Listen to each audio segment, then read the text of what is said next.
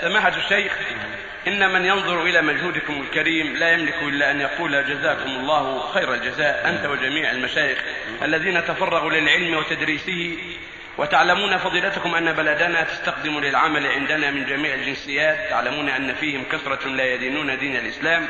وسؤالي الآن ماذا آه، دبرنا لهؤلاء من النصح والدعوة والإرشاد؟ ومقابل هذا السؤال يخطر ببالي اقتراح أرجو أن يكون قيد التنفيذ فيعلم الله أنني ناصح لكم. ماذا لو استخدمنا مترجمين لجميع اللغات؟ الموجودة عندنا أقصد العمال الذين يعملون عندنا. لو أحضرنا من المترجمين من يترجم لهم. وقام المشايخ عندنا بالمحاضرات والتعريف بالإسلام في مقر تواجدهم. فكثير من هؤلاء لا يعلمون عن الإسلام إلا اسمه.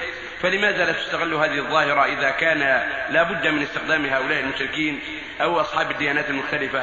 يجب أن يكون هناك مجهود من عندنا لدعوة هؤلاء ولأن يهدي بك الله رجلا واحدا خير لك من حمر النعم. النعم.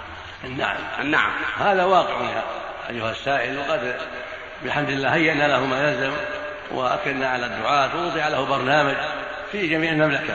لدعوتهم وتوجيههم إلى الخير بواسطة المترجمين والكتب المترجمة أيضا. توزع بينهم ونسأل الله يعين على الكمال والتمام وأن ينفع بذلك وأن يهدي جميع المسلمين وغير المسلمين للدخول في الحق والثبات عليه.